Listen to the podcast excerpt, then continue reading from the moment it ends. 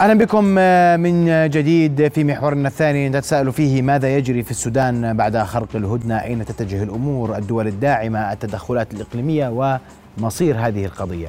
هذه التساؤلات أطرحها على ضيوف الليلة الدكتور جمال شلبي أستاذ العلوم السياسية في الجامعة الهاشمية. مساء الخير. أهلا بك دكتور. وأيضا أرحب من مصر بعماد عمر الكاتب الصحفي والمحلل السياسي. أستاذ عماد مساء الخير. مساء الخير واهلا وسهلا بكم وبكل مشاهدي رؤيا الكرام. أيضا أرحب برئيس الجالية الأردنية في السودان الدكتور عامر العلاوي. دكتور عامر مساء الخير. مساء الخير أنا تميز محمد ومشاهدينك الكرام.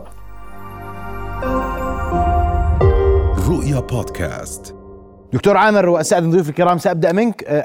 الآخر تطورات الأوضاع في السودان ووضع وحال الجالية الأردنية والجاليات العربية والأجنبية هناك. تفضل.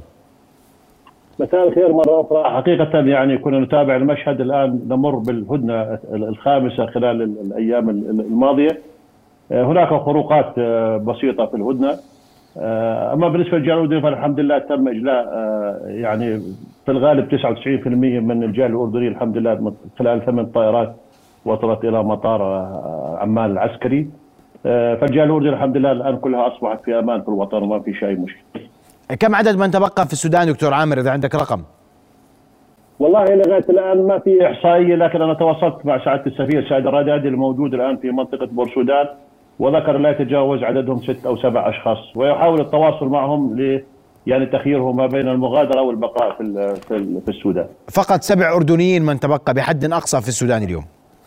هذا حسب ما لدينا من معلومات في بعض الأشخاص يعني بيعملوا في مناطق بعيدة عن عن الخرطوم بيعملوا في مجال التنجيم أو أو في مجال التعدين آه وهذه المناجم التعدين خاصة في مجال التعدين ذات تكون في مناطق يعني بعيدة وفي مناطق خالية فلا يوجد تواصل معهم البحثيين لدينا الآن حسب ما تواصلت مع سعادة السفير صباحا تقريبا لم يتبقى أكثر من سبع أو ثمان أشخاص لم يتم اجلاءهم. نعم دكتور عامر ك...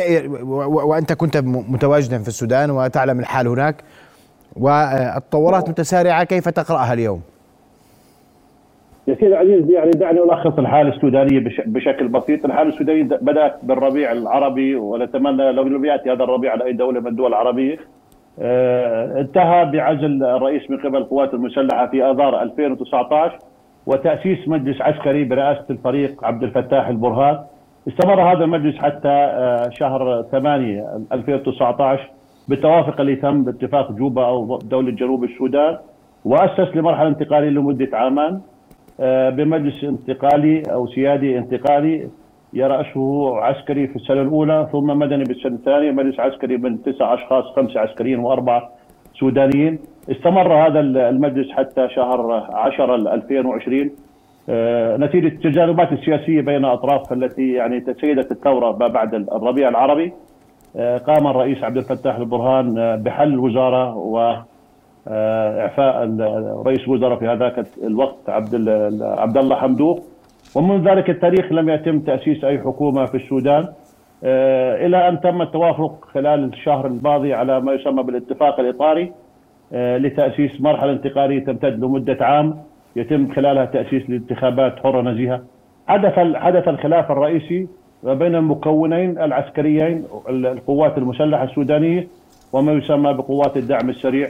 والتي يرأس القوات المسلحة الإدارية هو رئيس مجلس السيادة الفريق عبد الفتاح البرهان ويرأس قوات الدعم السريع هو نائب رئيس مجلس السيادة الفريق محمد حمدان دقلو وكان الخلاف على عملية دمج قوات الدعم السريع ضمن القوات المسلحة كان كان كان كان طرح القوات المسلحة يتم الدمج في مدة عامان. وأن تكون تبعية هذه القوات بعد الدمج إلى رئيس أركان القوات المسلحة. وكانت طرح قوات الدعم السريع أن يكون الدمج على عشر سنوات وأن تكون التبعية إلى رأس الهرم أو أو رئيس الدولة. وصلوا إلى طريق مسدود وتفاجأنا في صباح 15 الشهر الماضي 15 آذار بالاشتباك المسلح اللي استمر إلى الآن.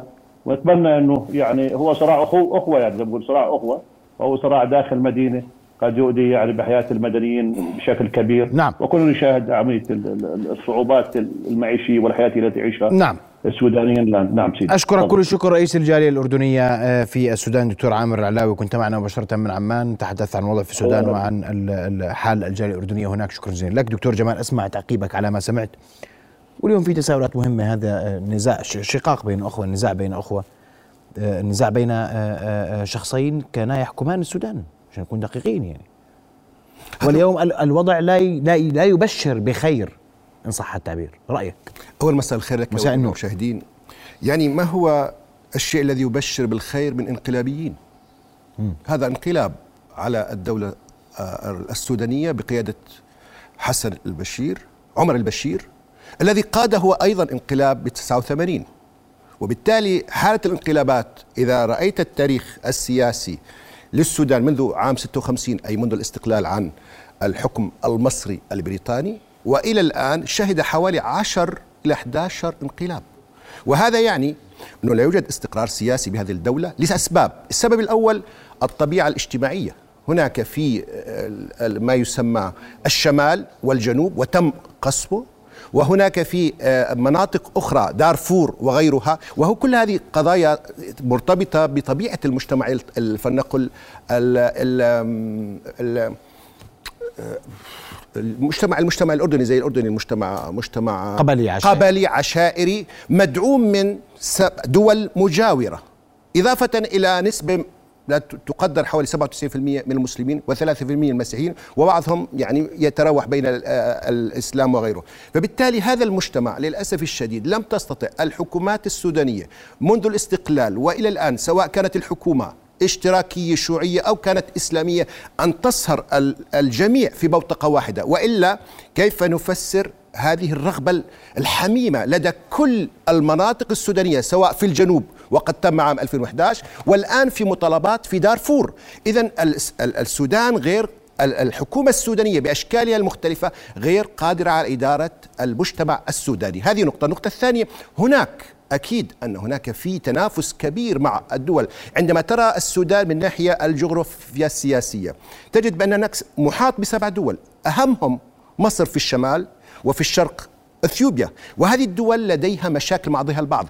اذا أنا بعتقد ما يحدث في السودان حاليا هو نتيجة الصراع الإقليمي طيب. بين السود بين مصر, مصر وأثيوبيا. وإثيوبيا من ناحية أخرى. أسمع رأيك أستاذ عماد وهذا يعني حديث موجود قراءات موجودة أن أزمة السودان هي انعكاس للأزمة المصرية الإثيوبية. وجهة نظرك أستاذ عماد؟ آه، أنا أشكر الدكتور عامر والدكتور جمال طبعا. ولابد إن إحنا يعني نعبر عن التعاطف الشديد مع السودان ومع شعب السودان في الأزمة التي يعني لا يوجد أي مواطن عربي سعيد بها طبعا. آه، لكن أنا أختلف مع الدكتور جمال في إن الأزمة انعكاس للمشكلة بين مصر وإثيوبيا.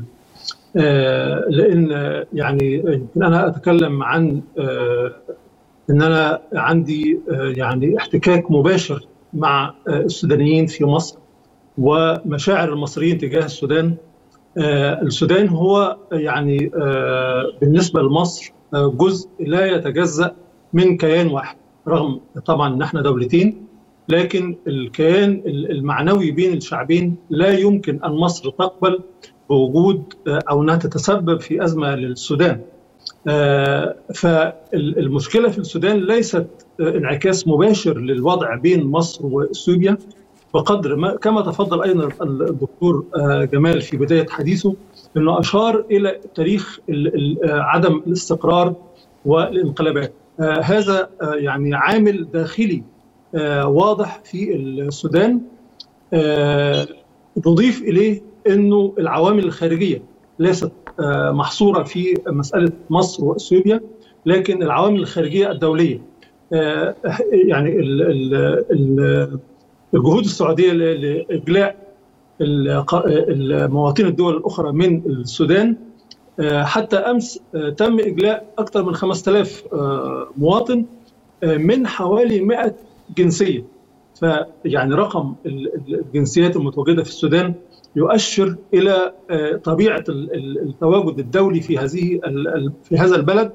وطبعا كلنا نعلم عن المطامع والأهداف الدولية من التواجد في السودان بداية من الولايات المتحدة آه، إلى روسيا وأيضا آه، يعني إذا أردنا التسمية فيها شيء من التحفظ نقول عن المصالح آه، ليس بقدر المطامع لهذه الأطراف في السودان.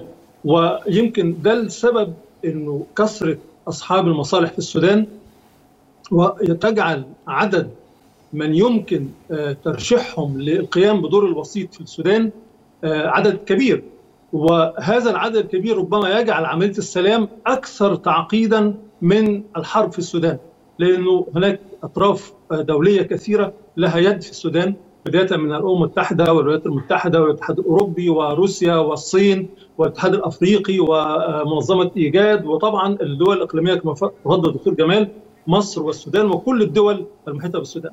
لكن إذا أردنا التركيز على الدول الإقليمية المحيطة بالسودان فهناك عنصر آخر ربنا ربما يكون له يعني تأثير أكبر أن أغلب هذه الدول ربما ما عدا مصر أغلب هذه الدول بها صراعات داخلية. داخل هذه الدول توجد جماعات نشطه وصراعات أهلية في بدرجة أو أخرى في هذه الدول. هذا يجعل الأزمة السودانية مرشحة بقوة لأنها تمتد اقليميا وهذا مصدر خطر يعني ربما يزيد من اهتمام العالم بضرورة وضع حد بأسرع ما يمكن للأزمة في السودان. نعم. أشكرك كل الشكر الكاتب الصحفي والمحلل السياسي من مصر كنت معنا مباشرة الاستاذ عماد عمر وأسمع تعقيبك دكتور جمال عماور الأستاذ عماد ووجهة نظرك إلى أين ستؤول الأمور في قادم الأيام. يعني أنا أكيد أن السودان مستهدف مستهدف لإمكانياته لحجمه أكثر من مليون كيلومتر مربع كان ثم الآن أصبح مليون و888 مليون بعد انقسام جنوب السودان. دولة غنية في الماضي عندما كنا أطفال في المدارس كانوا يقولوا لنا بأنها سلة الغذاء العربي. لكن سلة الغذاء العربي تعيش في حال ضنكة من الصراعات من الحروب من المجاعات. وبالتالي التدخلات الخارجية واضحة.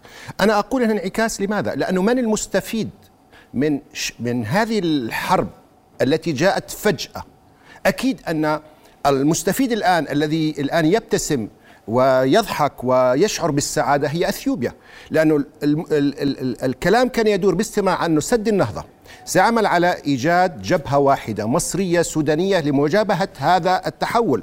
وهذه الرغبة ال ال ال الأثيوبية في قطع الطريق قطع الماء شريان الحياة لدول النيل سواء السودان أو صحيح نسبة 28 مليار متر مكعب بالنسبة للسودان و55 مليار. هذا يعني سيجعل الأمن القومي، الأمن الاقتصادي، الأمن الغذائي المصري والسوداني في حالة خطر، فبالتالي اليوم نكتشف بأنه الصراع أصبح داخلي في السودان، فبالتالي لم تعد قضية سيد النهضة هي الأساس في الحوار وفي الصراعات، فهذا أظن أنه يثبت بأن للإثيوبيا دورة. ثانيا وهو المهم هل اثيوبيا لديها القدرة على أن تفعل ذلك؟ لا، لديها هناك في مستثمرين عرب أقولها عرب لديهم مصلحة في تغييب المسألة الإثيوبية في سد النهضة من جانب مصر والسودان. وأعتقد أن الفاعلين الإقليميين العرب وغير العرب هم الذين افتعلوا هذه هذا الصراع بين الفريق الواحد الذي قام بالانقلاب على 2021 أشكرك كل الشكر دكتور جمال شربي أستاذ العلوم السياسية في الجامعة الهاشمية على وجهة ما تعلقت على قضية السودان تتوقع أن تستمر الأزمة ستستمر لأن لصالح بقاء الاستمرارية السيطرة والهيمنة الأثيوبية وعدم مناقشتها ومراجعتها لا من السودان ولا من مصر, من مصر. أشكرك كل الشكر دكتور جمال. مرة أخرى شرفتني بحضورك ليلة رؤيا بودكاست.